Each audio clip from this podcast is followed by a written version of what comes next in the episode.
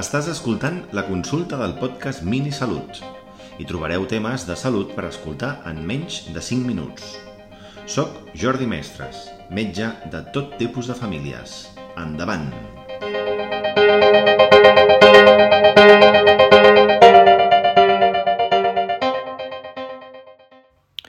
Aquesta setmana celebrem la Setmana Mundial de la Lactància Materna promoguda per diverses organitzacions, entre elles l'Organització Mundial de la Salut. Segons aquesta organització i d'altres, eh, la lactància materna hauria de ser la forma d'alimentació eh, escollida de forma preferent sempre que es pugui i no hi hagi contraindicacions i, evidentment, hi hagi la voluntat de la mare per poder-ho fer. En aquest sentit, l'alimentació per lactància materna s'hauria d'introduir just en el moment eh, del part, no esperar-se, és a dir, no demorar-ho, mantenir-la de forma exclusiva fins als primers sis mesos aproximadament i després mantenir-la fins als dos anys introduint de forma segura aliments adequats per cada etapa del desenvolupament del nadó.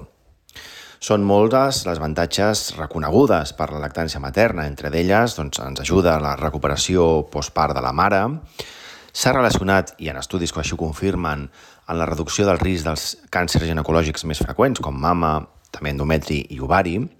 A més a més, interfereix de forma important en la relació materno-infantil i també s'ha relacionat amb la disminució dels nivells de sucre o el control de la tensió arterial. En definitiva, la lactància materna és una de les alimentacions preferides que hauríem de prioritzar sempre, evidentment, que no hi hagin contraindicacions i que la mare estigui d'acord.